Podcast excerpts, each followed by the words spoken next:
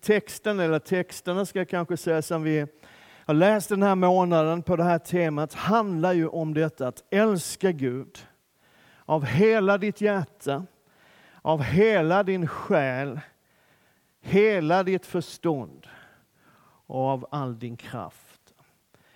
Eh, och där, där har vi varit ett par söndagar så här. och sen så kommer ju det här som, som du känner igen. Jesus säger det är det största och det första budet. Sen kommer ett som liknar det. Du ska älska din nästa som dig själv. På dessa två bud hänger hela lagen och profeterna. Och vi har pratat om, både under den här scenen och någon gång tidigare också, att Jesus liksom, han tar de 613 regler och lagar och påbud som de judiska rabbinerna undervisade och så bakar han ihop dem till två som är kvar. Och han säger liksom att det här är det du behöver veta. Det är det här du behöver hålla reda på. Du behöver inte hålla reda på 613 olika regler, utan det är de här två som du behöver hålla reda på. Älska Gud och älska människor. Och om du håller det och du fixar det, om det liksom lever i ditt liv och lever inom det, så kommer det att täcka alla de andra. 611 som är kvar, liksom. det, de täcks av detta. Det är det Jesus säger. Älska Gud av hela hjärtat och älska människor och älska din nästa som dig själv. Och den där tänkte jag att vi ska dela upp i två delar. Faktiskt. Så jag ska tala lite grann idag. Jag får se var vi landar. Jag vet inte riktigt var vi landar idag. Det är väl alltid spännande? Eller? Det kanske inte du tycker, men jag kan tycka att det är det. Vad betyder det att älska sin nästa? Vem är det som avses? Liksom? Vem är det jag ska älska? Och sen nästa söndag så tänkte jag att då ska vi prata lite grann om vad det betyder att älska någon som sig själv. Och sen så kommer Carl Gustav och reder upp alltihopa sedan söndagen efter det. Ja, det blev bra. Den här texten, eh, eller avsnittet om att älska Gud och älska människor, finns med i tre av fyra evangelier. Lite små variationer. Så här. I Matteus och Markus så får Jesus den här frågan om vilket bud som är det viktigaste eller största. Och så svarar han på den. I Lukas, som vi alldeles strax ska gå till, som jag tänker utgå ifrån idag, så är det en skriftlärd eller laglärd, det är typ samma sak, som själv får svara på den här frågan om buden och allt detta. Och när han har gjort det så kommer en följdfråga. Så här står det, Lukas 10. Sen kom en laglärd fram för att pröva honom och frågade, Mästare, vad ska jag göra för att få evigt liv? Jesus sa till honom, vad står det skrivet i lagen? Hur läser du där? Han svarade, du ska älska Herren din Gud av hela ditt hjärta, av hela din själ, av hela din kraft, av hela ditt förstånd och din nästa som dig själv. Jesus sa till honom, du svarade rätt, gör det så får du leva. Då ville mannen rättfärdiga sig och frågade Jesus, ja, men vem är då min nästa? Och det är väl en lite relevant fråga, liksom om, om du får, får upp, upp, ja det är grannen. Om du får liksom en uppmaning, du ska älska någon som dig själv, så vill du gärna veta, ja, men vem är denna någon som jag ska älska någonstans? Och det här uttrycket, min nästa, det är ju, det är ju inget vi använder sådär jätteofta till vardags, inte jag i alla fall. I den engelska översättningen står det neighbor, det är där vi har fått det som alla predikanter säger till din granne, liksom. det är han som är på bilden här. Då. Men alltså, var, var kommer det ifrån? Själva uttrycket som sådant, att älska din nästa som dig själv, är ett citat ifrån tredje Mosebok, det 19 kapitlet. Så. Men det är ett lite märkligt ord. Egentligen så tänker jag att det har nog bara överlevt i Bibeln och i kyrkliga sammanhang. Jag vet inte om jag någonsin har hört utanför kyrkans väggar någon prata om sin nästa. Har du? Det finns liksom inte där.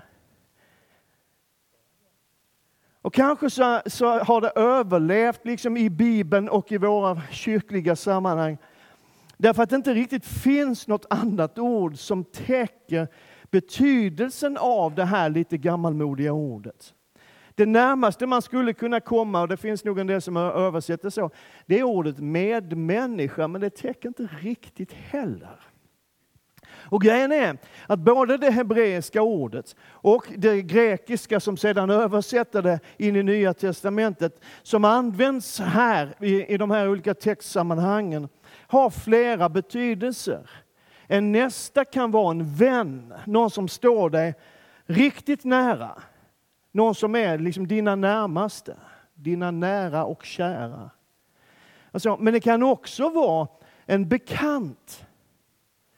Någon som du känner lite, grannen på andra sidan staketet. Eller någon arbetskamrat eller så här. Men det kan också, och det här tror jag är väsentligt, uttrycka någonting ömsesidigt. Alltså i varje, hur ska jag förklara? Jo, så här. I varje sammanhang där det finns mer än en person och du är en av de personerna, så är de andra, den andra eller de andra, ena kyrkan och den andra kyrkan, du och de andra, så är den andra din nästa. Alltså i varje sammanhang där det finns mer än en person och du är den ena av de personerna, så är de andra där, din nästa. Den betydelsen finns också i ordet. Och grejen är att det nog inte finns någon direkt rangordning mellan de här tre betydelserna, vän, bekant eller random figur i din närhet. Utan att liksom alltihop finns i det uttrycket min nästa. Sen har vi ju kanske lite grann rang, rangordnat dem ändå. Men alla tre gäller och lika mycket. Och det är ju lite grann märkligt att den här mannen, en laglärd, en skriftlärd, någon som kunde Guds ord, behövde fråga vem som är hans nästa. För i samma kapitel, tredje Mosebok 19, där man för första gången kan läsa det här uttrycket att älska din nästa som dig själv, så står det också att det inte bara gäller de som står dig nära eller ens känner, utan det står att när en främling bor hos er i ert land så ska ni inte förtrycka honom. Främlingen som bor ibland er ska räknas som infödd hos er och du ska älska honom som dig själv. Ni har ju själva varit främlingar i Egyptens land. Jag är Herren, er Gud. Och du som kan din bibel, du vet att Jesus sträcker sig ju ännu längre än så. Att älska människor handlar inte bara om dina närmaste eller de du känner eller ens de som du vet vem de är fast räknas som främlingar. Utan Jesus säger i Matteus 5 att ni har hört att det är sagt du ska älska din nästa och hata din fiende. Då kan man ju undra, var får han det ifrån? Var i Guds ord i Gamla Testamentet står att du ska hata din fiende? Det står ingenstans. Men sen, ni har hört det. Det fanns en grupp. De här som gömde undan bibelrullar i, i, i grottor vid Döda havet, Döda havsrullarna, esséerna som hade en ganska spridd lära om just det här. Att det handlar om att älska dem som är som du, dina, runt omkring dig. De andra, dina fiender, de kan du hata. Så det här var en spridd uppfattning. Och Jesus säger det, att ni har hört att det är sagt du ska älska din nästa och hata din fiende. Jag säger er, älska era fiender och be för dem som förföljer er. Då är ni er himmelske faders barn. Wow! Så någonstans här tänker jag att man kan säga att, att uppmaningen, budet att älska människor handlar om alla människor. De som står oss nära och de som vi känner och de vi inte känner och till och med de som är våra fiender. Och för att riktigt understryka att det är exakt det här som Jesus menar så berättar han en liknelse för den här skriftlärde, laglärde mannen som precis har frågat vem är min nästa? Och det är ju en liknelse som får det se ut i alla fall som att Jesus fullständigt vill krossa varje tanke på att mänskligheten kan delas in i ett vi och dem. Det är som att Jesus vill visa att det egentligen inte finns någonting som kan kallas för de andra. Eller de där. Utan att mänskligheten är ett enda stort vi. Och du känner ju igen den där liknelsen från söndagsskolan. Antagligen är det en av de mest välkända berättelserna från, från Bibeln. Den är så välkänd så att en del inte ens inser att den är en liknelse. När jag, en, en, en av de gånger jag var, var i Israel så hade vi en guide som pekade på vägen en bit utanför Jerusalem, pekade på vägen mot Jeriko. Och sa, ni vet det här, den barmhärtige samarien och, och han som blev slagen av rövare. Det hände alldeles här borta, sa han.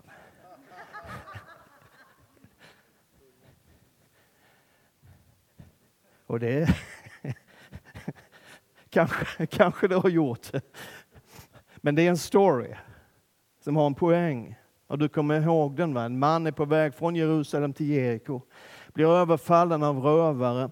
Och han ligger sönderslagen, halvdöd vid vägkanten och är rånad på allt vad han hade. En präst går förbi, går samma väg, ser vad som har hänt och går förbi. Sådana är vi präster. Sen kommer en levit, en tempeltjänare, det är du det, gör precis likadant. Gå förbi.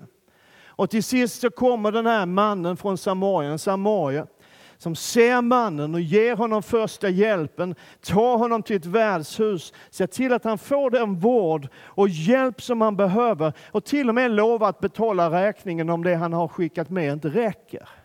Det är rätt generöst, eller hur? En samarier var ju fienden. I en rätt trogen judes ögon så var en samarier oren och smutsig och värd att förakta. Man umgicks inte med samarier. Man ville liksom inte ha med dem att göra. Och det märks på svaret som den laglärde strax ger Jesus. Han kan liksom inte ens ta det här ordet i sin mun. Han kan inte ge en samarier ett erkännande. För Jesus frågade honom, vem av de här tre, prästen, leviten eller samarien, vem av de tre tycker du var en nästa för mannen som råkade ut för rövare? Och han svarade, ja den som visade barmhärtighet mot honom. Han fixar inte att säga samarien. Och så säger Jesus till honom, ja men går du och gör som han. Och det är andra gången i det här korta samtalet som Jesus säger, gå och gör. Första gången är faktiskt innan mannen ställer sin fråga om vem som är hans nästa. Han har precis konstaterat att de, att de viktigaste buden är att älska Gud och att älska människor. Och Jesus säger till honom, när du säger det så säger du rätt. Och så säger han, gör det! Gör det! Älska Gud och älska människor. Gör det! Så får du leva. Och så plötsligt så blir det här med att älska människor inte längre en sorts fin och lite gullig, humanistisk och idealistisk option, ett tillvalsämne som du själv kan välja. Utan det blir till en fråga för den som är kristen. En fråga på liv och död. Gör det, så får du leva. Och då tänker man så här, kan det verkligen vara så allvarligt? Det här med att älska människor. Är det så noga? Jag tänkte, jag tycker ju om att vara lite jobbig, så nu läser vi en jobbig text till, eller hur? Går det bra? En lite jobbig text. Du vet den när Jesus pratar om de där allra minsta. De som ingen ser. De som nästan ingen tänker på. De marginaliserade. De som inte har någonstans att vända sig. De som inte har någon röst. De som saknar nästan allt av det som vi andra har. I Matteus 25. När Människosonen kommer i sin härlighet och alla änglar med honom så ska han sätta sig på sin härlighetstron. Och alla folk ska samlas inför honom och han ska skilja dem från varandra som herden skiljer fåren från getterna. Och han ska ställa fåren på sin högra sida och getterna på den vänstra. Och så ska kungen säga till de som står på hans högra sida. Kom ni, min fars välsignade, och ta emot det rike som stått, stått berett för er sedan världens skapelse. Sen hoppar vi en bit framåt i texten. I vers 41. Sen ska han säga till dem som står på den vänstra sidan. Gå bort från mig, ni förbannade, till den eviga elden som är beredd åt djävulen och hans änglar. Och då kan man fundera på, vad är det som är skillnaden mellan fåren och getterna? Mellan de välsignade och de förbannade, mellan de som uppenbarligen har gjort någonting rätt och de som uppenbarligen har gjort någonting fel. Mellan de som står på kungens högra sida och de som står på hans vänstra. Vad är skillnaden? Och du vet det redan, det handlar om vad man har gjort eller inte gjort. För de som Jesus kallar dessa mina minsta. Kungen ska svara dem, jag säger sanningen. Allt vad ni har gjort för en av dessa mina minsta bröder, det har ni gjort för mig. Vers 45. Då ska han svara dem, jag säger sanningen, allt vad ni inte har gjort för en av dessa mina minsta, det har ni inte heller gjort för mig. Och det här får mig att fråga mig själv, och det kanske är en, en fråga som vi borde ställa till oss själva allihop. Finns det människor som jag har placerat i kategorin de där andra? Som jag liksom på något sätt har ställt utanför min kärlek. Och som jag inte tycker riktigt platsar som föremål och mottagare av min kärlek. Finns det sådana människor? Men, vissa människor är väldigt lätt att älska. Eller hur? Jag älskar min fru. Jag älskar mina barn och deras respektive någorlunda. Eh, jag älskar våra barnbarn och min mamma och min pappa och mina syskon ibland. Församlingen. Dig de flesta dagar i veckan. Guds folk liksom i stort. Älskar Israel.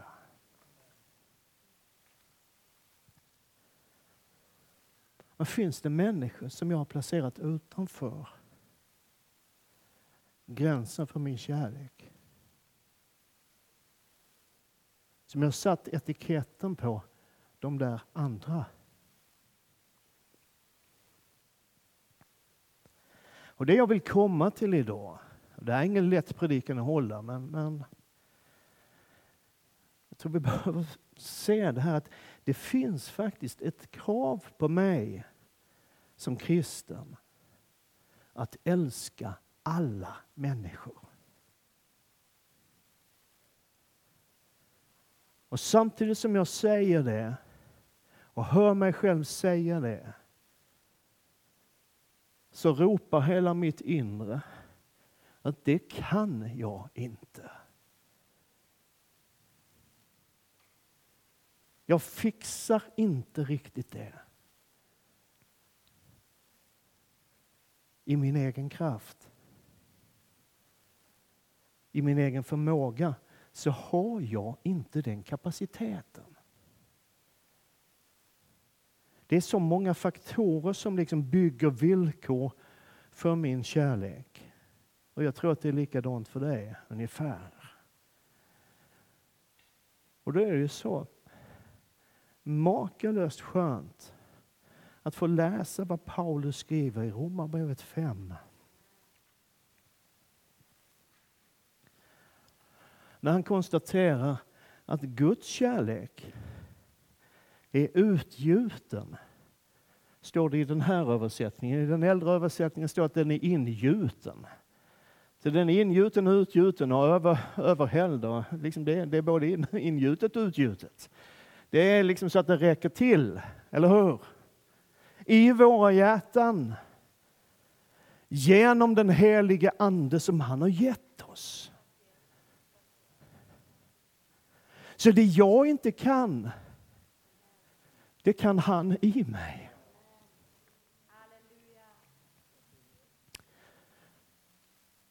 Det som inte finns i min kraft, i min förmåga, finns ändå där. Därför att han själv har lagt in den och ner den och gjutit in den i mitt hjärta.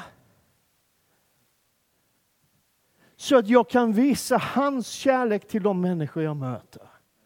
Även de som jag tycker är jobbiga. Är inte det rätt fantastiskt?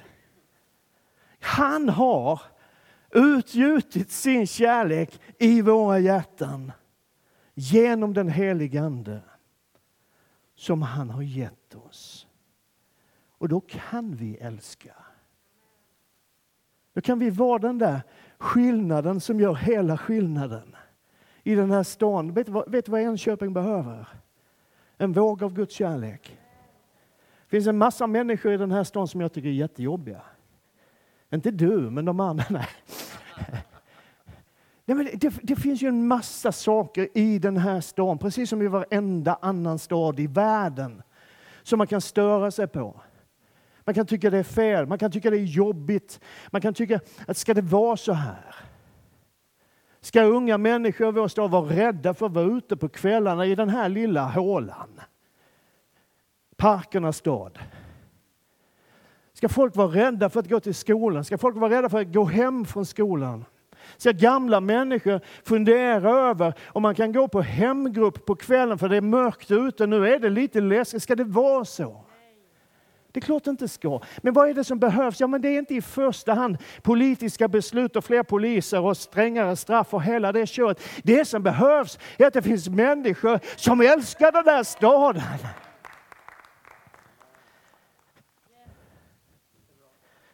Som är beredda att ge en kram till den som ingen annan vill krama. Som är beredda att räcka ut en hand till den som ingen annan räcker ut en hand till. Och om inte det är vi som är Guds församling, så berätta då för mig, vem är det då? Om det inte är vi, vilka är det som ska göra det?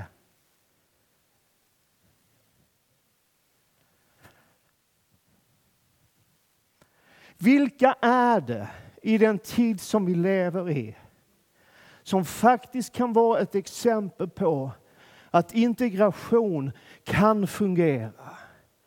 Att människor med olika bakgrund, olika kulturer, olika sätt att uttrycka sig och se ut och klä sig och, och alltihop det här faktiskt kan leva tillsammans i harmoni och kärlek och tycka det är fantastiskt.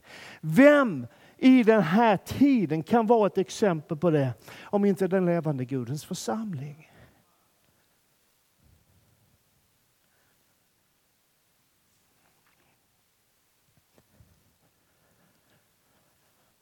Guds kärlek är utgjuten i våra hjärtan genom den helige Ande som han har gett oss.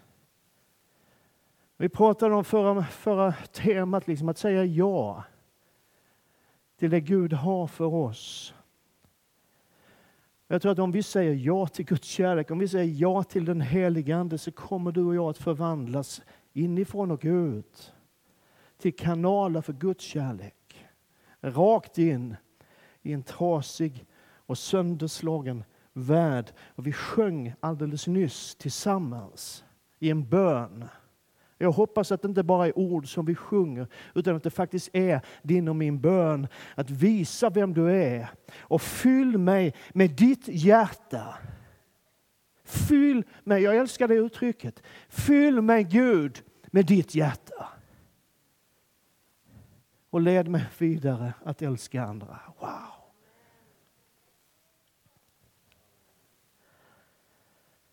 Så min bön är bara, liksom, Gud låt det ske.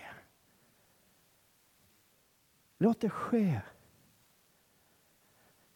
För det den här världen behöver, älskade vänner, det är ju inte mer hat i alla fall.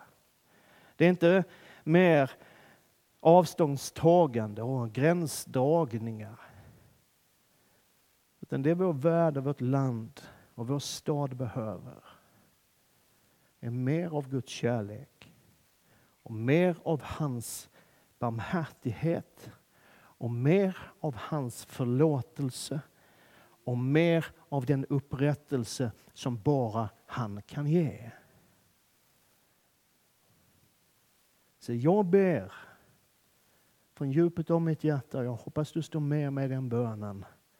Kom heligande och fyll våra hjärtan och fyll mitt hjärta igen och igen och igen. Och allt folket sa Amen.